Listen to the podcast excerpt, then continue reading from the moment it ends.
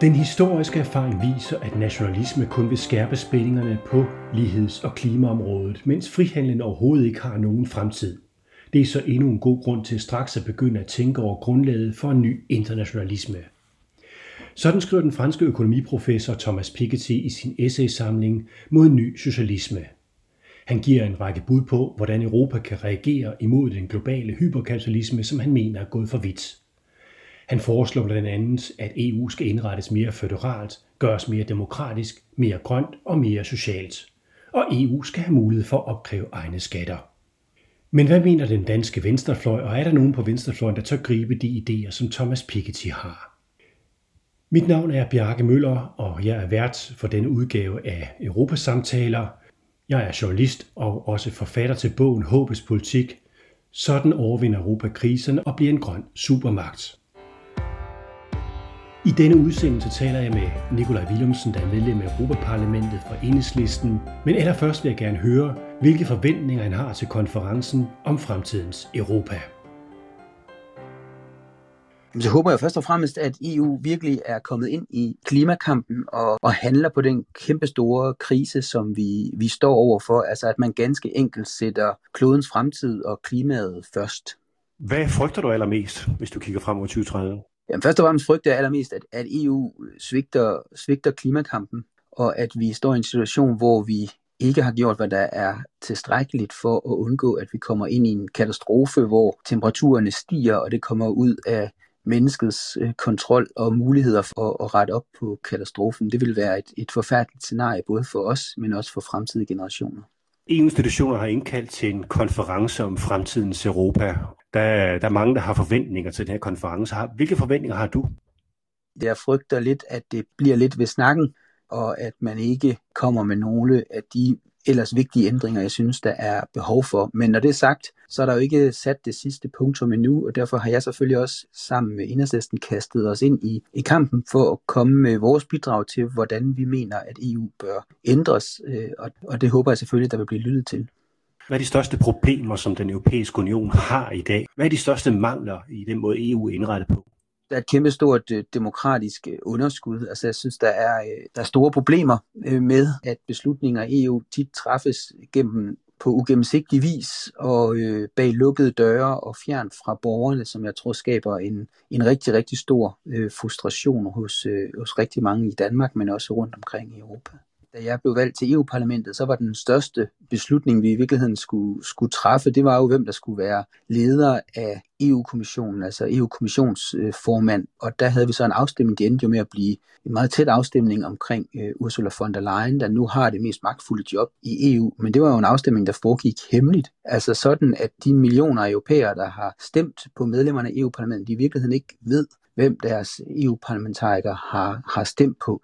Og det synes jeg er ganske absurd. Altså det svarede jo til, at man havde en, en tillidsafstemning til øh, statsministeren i Danmark, men hvor det foregik øh, hemmeligt, så ingen kunne holde deres øh, folketingsmedlem til ansvar. Det synes jeg ikke er en, er en demokratisk måde at træffe så vigtig en beslutning på.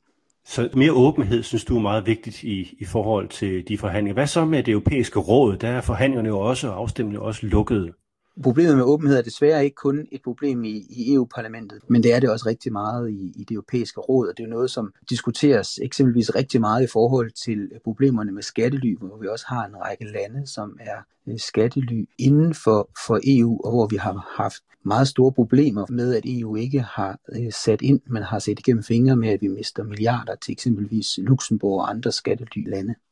Kampen for at bekæmpe skattely er jo også noget, hvor EU måske potentielt set har nogle større muskler, end den enkelte nationalstat har. Hvis vi skal bekæmpe skattely, hvad er det, der så skal til i EU? Ja, først og fremmest så skal øh, EU jo øh, sætte ind over for de skattely, der er. I dag er det sådan, at man har en liste over øh, skattely, hvor kriterierne for at komme på den liste er fuldstændig ubrugelige. Altså eksempelvis er det sådan, at hvis et land har 0% i selskabsskat, så bliver man ikke karakteriseret som et, et skattely. Ingen skattely inden for EU er overhovedet på den her liste, og, og Oxfam har gjort op, at 15 af verdens værste skattely er ikke på EU's sortliste over skattely. Og det er jo ikke bare et spørgsmål om at, om at få sat lande på den her liste. Det er også et spørgsmål om, at når man er på den liste, jamen, så er der mulighed for at sige, at virksomheden opererer for de her lande. De bør ikke fordele i vores øh, genopretningspakker eller øh, støtte, der ellers, ellers gives. Altså det, det at få lavet en effektiv sortlistning er jo trædestenen til at sætte ind over for de virksomheder, der, der løber fra bidrag til, til fællesskabet. Men skattemyndighederne i de forskellige europæiske lande har jo nu fået informationer om øh, de skatteindbetalinger, der kommer. Det, det må da hjælpe dem. Ja, det er, det er sådan, at man er blevet enige om det, man kalder en land-til-land-rapportering, øh, men der er man jo lige præcis blevet enige om, at det skal være på baggrund af den øh, sortliste, man har. Altså, og dermed er alle de skattelylande, som ikke er på EU's sortliste, går som udgangspunkt fri. Øh, og det siger jo noget om, at, at man desværre har en situation, hvor man lidt har en hullet sig Hvorfor er det vigtigt at få sikret, at der opkræves skat for de store multinationale selskaber? Jamen det er jo fuldstændig grundlæggende øh, afgørende for at sørge for, at vi har penge til vores øh, sundhedsvæsen, til vores skolesystem, til vores ældrepleje og børnehaver, at vi har øh, penge til at lave øh, den nødvendige øh, grønne omstilling og investere i skabelsen af, af grønne arbejdspladser. Så det er fuldstændig afgørende for vores, vores fremtid, at vi sørger for at få vendt skuden, fordi vi i dag har en situation, hvor flere og flere selskaber øh, benytter sig af, af skattely, og vi ser, at de fleste af verdens største multinationale selskaber gemmer deres, deres penge i lyssky øh, skattely, og det undergraver jo grundlæggende vores, øh, vores velfærdssamfund og gør det svært at, at have midler til at, at lave den nødvendige grønne omstilling. Så der er virkelig behov for, for handling, og man kan sige, i en situation, hvor EU har et indre marked, og man som virksomhed øh, uhindret kan sælge sine produkter rundt på det, på det indre marked, så skaber man jo også en situation, hvor det, at der så er skattely inden for det her indre marked, altså som Irland, eller som Luxembourg, eller som Malta, Holland og Kypern, at det i virkeligheden gør os ekstremt sårbare, øh, fordi vi øh, får meget svært ved at sætte ind over for, for de selskaber, fordi de i virkeligheden bruger det indre marked, EU har oprettet til at gemme sig for at bidrage til fællesskabet. G7 lige blevet enige om at, at lave en, en minimumssats for selskabsskatterne, og, øh, og der bliver forhandlinger i OECD om de der ting. Hvordan synes du, EU kan spille med i, i det her, og skal EU gå foran i forhold til at sikre den beskatning? Jamen altså, jeg synes, det er fuldstændig afgørende, at man fra EU's side bakker op om en international bund under selskabsskatten. Altså man simpelthen siger, at det ræs mod bunden, vi har lige nu, hvor det ene land efter det andet sænker selskabsskatten, og vi dermed mister penge, som kunne være gået til, til fællesskabet, at vi får sat en prop i det. Hvad tænker du, øh, at EU skal gøre i forhold til at regulere den, den globale kapitalisme? Du er jo socialist. Øh, kan EU gøre noget? Altså, kan du bruge EU til noget, så at sige? Ja, EU skal gå foran. Det er fuldstændig afgørende, at EU presser på for, at vi får en international bund under selskabsskatten, og at den bund bliver markant højere end de 15 procent, som lige nu blev diskuteret, eller man kom til enighed om på, på G7-topmødet. Hvilke typer af reguleringer synes du, der, der skal til i forhold til den grønne omstilling? Hvad er det, EU skal gøre i, i de næste 10 år? Det er jo rigtig positivt, at man er kommet til enighed omkring en klimalov, Øh, det har vi fra enhedslistens side kæmpet for, øh, så man ligesom får en, en situation, hvor man har fast lovgivning, der forpligter landene til og EU til, til handling. Men jeg havde jo gerne set, at det var en klimalov, som reelt levede op til Paris-aftalen, altså de øh, 65 procent minimumsreduktion, vi har behov for i 2030 for at nå Paris-aftalen og undgå, at, at temperaturstigningerne kommer over halvanden til, til 2 grader. Så det er klart, at, at det jeg kommer til at gøre, det er at kæmpe for, at EU ikke svigter Paris-aftalen, men at målsætningerne i, øh, i klimaloven bliver hævet, og ikke mindst, at de bliver fuldt op med konkret handling, øh, så man gør det, der er nødvendigt for at få skabt de grønne jobs, der skal til, øh, før vi når i mål med Paris-aftalen og stopper den forfærdelige temperaturstigning og klimaforandringerne. Men man har jo løftet målene, altså nu senest til 55 procent. Er det ikke godt nok? Nej, det er ikke godt nok. Altså i virkeligheden kan man sige, at, at sætte et mål, eller at lave en lov om, at man skal nå 55 procent, det er jo det samme som at indrømme, at man ikke vil overholde Paris-aftalen, fordi Paris-aftalen, øh, hvis den skal nås, jamen, så skal man have øh, mindst 65 procents reduktion i, i 2030. Og, og man kan sige, at det her er jo en masse tal, vi ligesom slynger om os, men det har jo en konsekvens, altså fordi det vi ser EU-kommissionen nu er på vej med, det er jo ligesom det, man kalder fit for 55 eller fit for 55, hvor man ligesom vil, vil ligesom tage konsekvensen af den her lov og så fremlægge en lang række konkrete forslag for, hvordan EU så lever op til 55 procents målsætning. Og det gør jo, at, at alle os, som ønsker den nødvendige klimahandling, vi starter med at være bagud øh, på point i hver eneste lovforslag, der vil være, der vil blive fremlagt nu her i de næste tre år af EU-kommissionen. Og, og, og i virkeligheden, øh, Bjarke, at det er jo ligesom et ret stort problem, vi har. Altså det der med, at når vi snakker om, hvad der skal ske i forhold til klimaet, så er det jo ikke nok ligesom at, at holde fine taler om det. Det vigtige er jo at føre det ud i, i livet, og, og landbrugsstøtten er jo den største post på EU's øh, store budget, og øh, hvis man ikke tager konsekvensen af klimakrisen der, så kommer man til at bruge en masse penge i de næste, øh, næste mange år, som kaster benzin på bålet, og det er jo dybt, dybt problematisk i forhold til den her Next Generation Fund for at komme ud af coronakrisen, der lægger man op til mindst, at 37 procent af de nationale pakker skal, skal gå til klima, og der er jo også forslag om, at man skal investere massivt i klimaet i fremtiden. Den europæiske investeringsbank har lukket af for, for støtte til fossile investeringer. Altså, der sker en masse ting. Er det ikke noget, du vil anerkende? Der sker helt sikkert noget. Spørgsmålet er bare, om der sker nok. Og det er jo det er ikke, fordi jeg ligesom er sådan en, der ikke vil støtte små forbedringer. Det er jeg altid parat til. Men lige præcis, når vi taler om klimaet, så er der jo det problem, at hvis ikke man ligesom får brunget over på den anden side af kløften, men kun springer halvvejs, jamen så falder man altså meget, meget meget dybt som øh, ja, i de næste kommende generationer, fordi så får vi kæmpe store problemer med klimaforandringerne, med voldsomme konsekvenser til, til følge. Og det er derfor, at, at jeg gerne havde set, at man havde en, en højere målsætning, og at man eksempelvis i forhold til genopretningsfonden havde sagt, at 50% skulle gå til grøn omstilling. Det er klart, at det sidste punktum er ikke sat, og jeg kommer til at kæmpe alt, hvad jeg kan. Det håber jeg, alle gode grønne kræfter vil gøre, fordi der er desværre lang vej igen, hvis vi skal nå det, der er nødvendigt. Kommissionen har en Green Deal, hvor man skal investere 1000 milliarder euro frem mod 2030. Er det ikke et godt forslag til at sikre den grønne omstilling? det er rigtig godt, at man har en Green Deal, og det er på mange måder altså rigtig positive ord, og man vil også uden at tøve kunne sige, at det er bedre end hvad EU nogensinde før har gjort på det grønne område. Men, men som sagt er spørgsmålet, om det er godt nok, og spørgsmålet er i virkeligheden også, hvad der gemmer sig bag definitionen af grønt, og det kan lyde sådan lidt øh, teknisk, men altså eksempelvis var der et flertal i EU-parlamentet, der stemte for, at enhver form for landbrug på bjergsider skulle defineres som grønt. Altså så lige meget om du fælder urørt skov på en land på en bjergside og begynder at dyrke det, så vil det blive defineret som grønt. Og det siger jo noget om, at, at djævlen er i, i detaljen, og derfor er det så vigtigt med at have bindende europæisk klimalov, som forpligtiger EU og medlemslandene til den nødvendige handling. Og det er godt, at vi nu har fået en bindende lov, men det er vigtigt, at den så også har den, den nødvendige ambition i forhold til at sørge for, at vi faktisk øh, holder os på den kurs, vi skal for at undgå en klimakatastrofe. Men er 1000 milliarder euro nok? Det er slet ikke nok i, i forhold til det, der er behov for ude omkring i landene. Og der tror jeg, at et, et rigtig vigtigt lektie af, af pandemien er jo at se på, hvordan man har håndteret den uh, coronakrise, vi lige har været igennem. Der har man jo tilsidesat EU's øh, stramme økonomiske styring af landenes økonomi, gjort det muligt at lave en lang række økonomiske pakker, tilsidesat de meget sådan uh, rigide Øh, regler, som EU øh, også har for at gøre det muligt at lave alle de mange pakker, som vi alle sammen har siddet og hørt øh, og kigget på på tv blive lanceret til erhvervslivet. Og der er det jo bare ligesom fuldstændig afgørende, at hvis vi skal sørge for at gøre det, der skal til i forhold til klimakrisen, som er markant større end den coronakrise, vi lige har været igennem, hvis ikke vi, hvis vi, handler på den, jamen så bliver vi lære af lektien, og der er det sådan, at der står EU's nuværende stabilitets- og vækstpagt og meget stramme økonomiske styring, som forhindrer de nødvendige investeringer i grøn omstilling, de står, den står altså i vejen for det, der skal, øh, det, der skal til.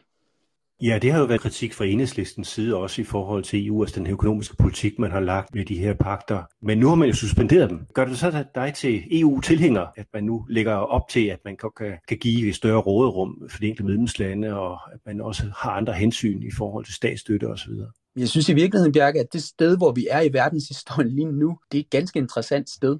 Altså, jeg stod i Folketinget i år efter år og kritiserede den politik, som EU førte i forbindelse med finanskrisen, hvor man dikterede meget voldsomme nedskæringer, eksempelvis 50% nedskæringer på sundhedssektoren i Grækenland. Og, og der holdt man meget stedigt fast fra EU i, at løsningen på en økonomisk krise, det var velfærdsforringelser. Nu har vi så set, at man har grebet det fuldstændig anderledes an i forbindelse med, med coronapandemien. Og der har vi jo set faktisk i virkeligheden, at selvom det har været en ekstrem hård krise, og selvom det også har ramt mange, har man jo været stand til at, at holde hånden i høj grad under økonomien, og det ville jo være fuldstændig absurd, hvis vi, hvis vi nu øh, ser, det, at landene skal ud i meget, meget store nedskæringer på deres sundhedsvæsener, eller deres ældrepleje, eller deres øh, skoler, som vi har set været fuldstændig essentielle i at få os igennem øh, denne her krise. Så jeg håber, at øh, det kan lykkes at lave nogle grundlæggende øh, ændringer og lære lektien af coronapandemien og se, at øh, hvis man skal igennem en krise, og den krise, vi står over med klimakrisen, den er meget større end noget, vi har stået med før, jamen så er det nødvendigt, at vi kan lave offentlige investeringer i grøn omstilling, ellers så kommer vi ganske enkelt ikke i mål. Når vi kigger på den her fond, om Next Generation Fund, der er der man også talt om egne ressourcer, og øh, man har aftalt en plastikafgift, man har også talt om en øh, carbon tax ved grænsen, altså for de der, der er klimaskadelige øh, aktiviteter. Øh, man har talt om en finansiel transaktionsafgift, og flere andre ting er i spil. Jeg synes i virkeligheden, at, at alle de eksempler, der har været fremme omkring hvad man gerne vil beskatte, synes jeg er fornuftige. Altså det er fornuftigt at lægge en skat på eksempelvis plastik. Der hvor, hvor kæden hopper af for mig, det er, at man så siger, at det skal gå til til EU-kassen. Altså jeg tror, det er langt mere fornuftigt, at man øh, sender det direkte ud til de enkelte øh, medlemslande, frem for at sende det ind forbi øh, EU-kommissionen. Alene bare også bare den grund, at som almindelig borger, så er det lettere at påvirke vores medlemslande, end det er at påvirke EU-kommissionen. Så jeg er jo enig i, at EU skal have lov at have egne skatteindtægter. Jeg så hellere, at pengene gik til medlemslandene, men hvad kan man sige, det man ønsker at beskatte, det er jeg sådan set enig i. Men så ender du jo lidt i det der spil, altså som man havde i forhandlingerne under coronakrisen, hvor de fedtede fem lande, de øh, modsatte sig, at man skulle optage et lån for at investere sig ud af krisen, og de vil heller ikke give det som tilskud, de vil, vil øh, lade tvinge øh, de her lande, sydeuropæiske lande, ind i en skruetvinge. Risikerer du ikke at spænde ben for nogle af de idéer, som du også har, altså som, som medlem af Europaparlamentet for enhedslisten?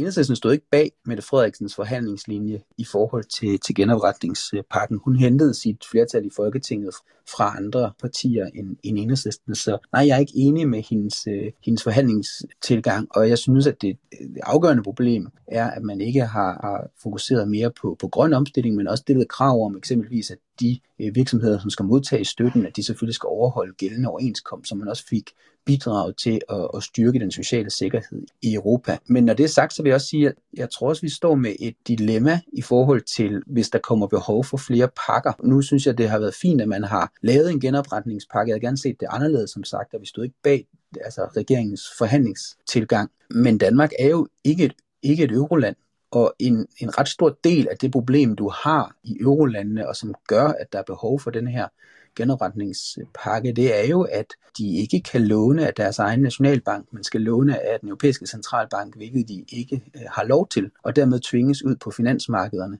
Og det synes jeg jo, altså det problem med indretningen af euroen og den sådan man kan sige, meget liberalistiske måde, man har indrettet øh, det system på, det kan vi meget velkommen til at, at se, at der kommer problemer med igen, og hvor det så er spørgsmålet, om det så igen er de danske skatteborgere, der skal bidrage til at kompensere for de, øh, for de problemer. Og der synes jeg, hvad kan man sige, langt hellere, at vi bør have en diskussion af, om ikke man bør ændre på EU's øh, rigide økonomiske, økonomiske styring, så man gør det muligt for landene at lave den grønne indsats og den sociale genopretning, der er behov for. Men hvad nu hvis de her egne ressourcer til at investere blev sat af til den grønne øh, omstilling og også til sociale fonde, der kunne overføre penge fra rige til fattige regioner i, i Europa? Er det ikke noget, du vil støtte op omkring? Jamen, jamen jeg synes helt grundlæggende, at det, det er smartere at lave en finansskat eller lave en plastikskat, og så øh, samle de penge, og så give dem ud til landene, også gerne med krav om, at de så bliver brugt til grøn omstilling. Men det der med at give EU-kommissionen egne ressourcer, det gør jo grundlæggende bare, at det bliver sværere for os som almindelige borgere at påvirke, hvad de bliver, hvad de bliver brugt til, fordi der vil være længere mellem, mellem herre fru Jensen og, og den beslutning. Så, så det synes jeg er, det synes jeg er, en, er en forkert vej at gå. Det betyder jo ikke, at man ikke kunne indføre en plastikskat eller en finansskat for den sags skyld i, i morgen. Det er jo bare et spørgsmål om, hvor de indtægter, man så engang, endnu en gang får, skal fordeles hen. Men hvis nu, at man blev enige om den her skat og kravet, det var, at det gik ind i EU-budgettet, vil, vil enhedslisten så stemme imod af hensyn til det nationale demokrati? Vi, vi er ikke enige i, at du skal, du skal øh, give pengene til, til EU-kassen, men vi er enige i, at, at der bør være en, øh, en grøn skat, og det, øh, det er det, vi har sagt til den danske regering. Det er også i virkeligheden det, jeg har arbejdet for i, i EU-parlamentet, de forhandlinger, der har, der har været. Det har vi så bare ikke haft øh, flertal for, øh, desværre. Men, men nu er det kun plastikskatten, som er i virkeligheden en sikker realitet, og de andre, der er, er diskussioner. Så der vil vi selvfølgelig fortsætte med at fremsætte vores forslag om, at, at man bør, selvfølgelig bør lave de her grønne skattetiltag, men at øh, pengene bør gå til medlemslandene. Eller hvis nu er betingelsen for at få dem her, at, at de går ind i EU-budgettet? Jamen altså man kan sige, når vi har haft stemt om de her ting, altså det er klart, altså jeg har jo stillet øh, altså, ændringsforslag, eller bakket op om ændringsforslag, der ændrede øh, den, øh, den finansiering. Så har der jo været diskussioner eksempelvis om den samlede genopretningspakke. Øh, altså der har det jo været en samlet vurdering af, er det grønt nok? Øh, er, det, er det fornuftigt, at man giver penge til virksomheder, der også gemmer sig i, i skattely? Hvad er det for nogle krav, man, man stiller? Så der, der er det jo sådan en samlet stor vurdering af, hvad man mener, man vil gøre. Men det er klart, jeg vil altid bakke op om konkrete forslag om at sige, at pengene skal gå til, til landene frem for til, til kommissionen. Hvad er det vigtigste? Er det det grønne, der er det vigtigste, eller er det, at det går tilbage til nationalstaterne?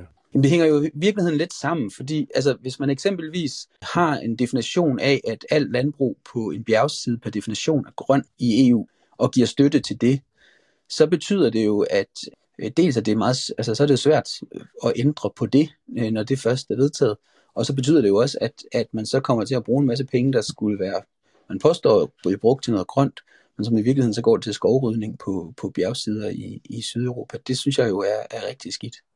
Nu har vi konferencen om fremtidens Europa, og øh, Enhedslisten har i sit øh, principprogram en holdning om, at man, man gerne vil have, at Danmark træder ud af EU. Hvordan løser I det her dilemma, altså at spille aktivt med, og øh, samtidig have et princip om, at I helst vil arbejde for at, at komme ud af EU?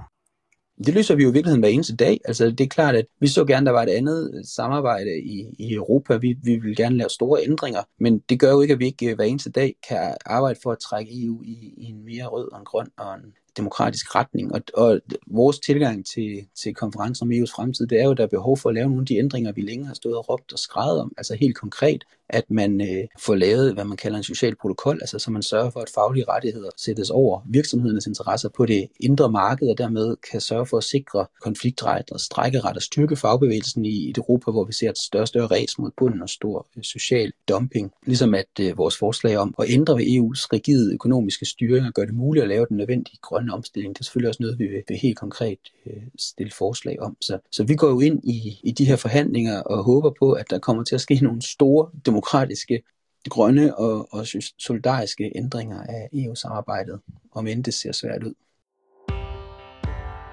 Og her til sidst hørte du Nikolaj Willumsen, der er medlem af Europaparlamentet for Enhedslisten. Det var den femte og sidste samtale i rækken om fremtidens Europa. Mit navn er Bjarke Møller. Jeg er forfatter til bogen Håbets Politik. Sådan overvinder Europa kriserne og bliver en grøn supermagt. Og jinglen du hørte, den er lavet af Christian Møller.